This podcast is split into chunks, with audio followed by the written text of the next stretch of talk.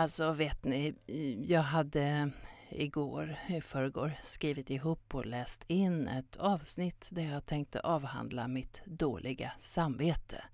Men så när jag skulle spara det så fanns det redan en snutt med samma namn.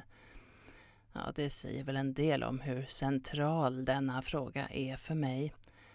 Den förra var ju dessutom en tämligen fullständig genomgång med citat från alla förekomster av uttrycket i mitt långa, mångåriga anteckningsdokument i datorn.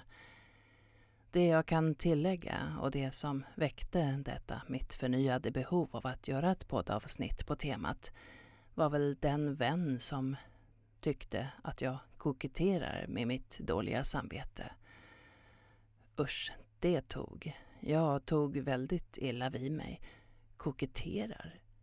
För att jag alltid och överallt spontant kommer med just det där dåliga samvetet. Det hade kanske varit koketteri om det inte var grundat i en ärlig känsla. Att den känslan sällan är välmotiverad är en annan sak. Men jag antar att jag genom att uttrycka den vill visa att jag är medveten om min roll, min position, mitt ansvar, mina privilegier. Men så när jag berättade för Janne så höll han med. Jo, nog koketterar jag en del med mitt dåliga samvete. Vad fan. Men det gör nog jag med. Det är man väl i sin fulla rätt att göra. En lättnad att höra något som lättade skuldbördan en aning från mina samvetstyngda axlar. Ungefär som läkaren på vårdcentralen om att alla mår på sin egen skala. Det var under en av mina första depressioner som jag tog som hand av ett depressionsteam på vårdcentralen med läkare, psykolog och psykiatrisjuksköterska som till och med ringde hem till mig för att fråga hur det var. Fantastiskt.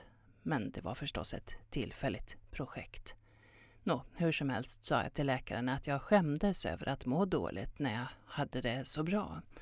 Att jag skulle ta en massa resurser från folk som verkligen hade det svårt. Men då sa hon något som jag inte glömt. Alla mår på sin egen skala. Det går inte att jämföra sitt mående med någon annans.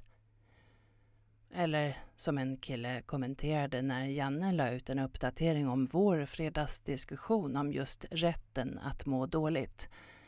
Att om man drar det till sin spets så skulle det bara finnas en människa på jorden. Den som enligt objektiva kriterier har det allra värst. Som fick må dåligt utan att behöva skämmas. Och det är ju kanske inte rimligt inser till och med jag. Men okej, nu är väl mitt dåliga samvete tillräckligt avhandlat. Något jag ska försöka komma ihåg. Jag skulle istället kunna dra den grej jag kört på de stand-up-klubbar som jag hunnit medverka på sedan återöppnandet.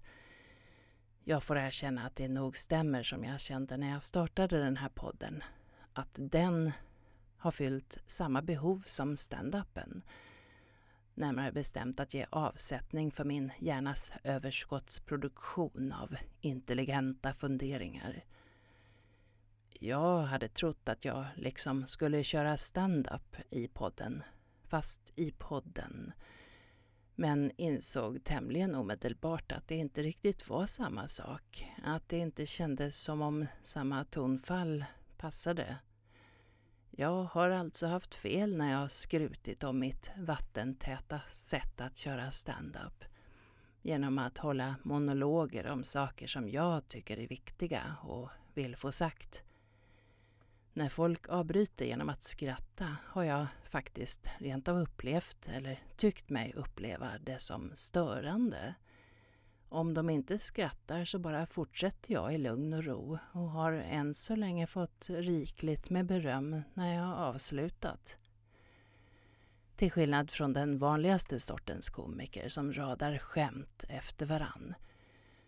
Då är man ju jäkligt sårbar inför utebliven respons. Det blir närmast platt fall om man inte får publiken med sig. Men det är trots allt en stor skillnad även för mig med publik. Även om jag inte upplever mig skämta så gör jag ju det ändå på något vis. Ensam framför mikrofonen känns det inte alls naturligt. Men jag gillar ju att podda. Jag måste bara hitta ett sätt att göra båda. Sist eh, förra veckan så var jag i Stockholm och bokade in mig på Big Ben. Det var kvällen för Sveriges match mot Ukraina var det va? Så både komikerlistan och publiken var liten, men det var kul ändå. De som satt där var väl ointresserade av fotboll. Eller hade de rent av högre förväntningar på mig, oss, än på en svensk kvartsfinalplats? Eller hörde de till den exklusiva klick som kräset strävar efter att maximera utfallet av varje dag? Först nio fantastiska komiker, eller tio om vi skulle räkna konferencieren, som är klara lagom till andra halvlek. Fan, det där låter ju som en livsfilosofi att marknadsföra. I fotboll är det 11 pers per lag, 2 gånger 45 minuter. Det blir, det blir 8 minuter och 12 sekunder per skalle. I hockey är det 6 personer per lag, 3 gånger 20 minuter minuter. Det blir alltså 10 minuter per person. Å andra sidan är skridskor snabbare än fötter, trots dobbarna. Och trots det är hockeyisen 1800 kvadratmeter, det vill säga 150 kvadratmeter per person, medan fotbollsplanen är mellan 6400 och 9750, det vill säga mellan 291 och 443 kvadratmeter per person. I stand-up är det sju minuter ungefär och kanske fyra gånger en och en halv blir sex kvadratmeter. Ja. Men så är ju stand-up comedy inte heller medlem i Svenska Riksidrottsförbundet. Tack för mig.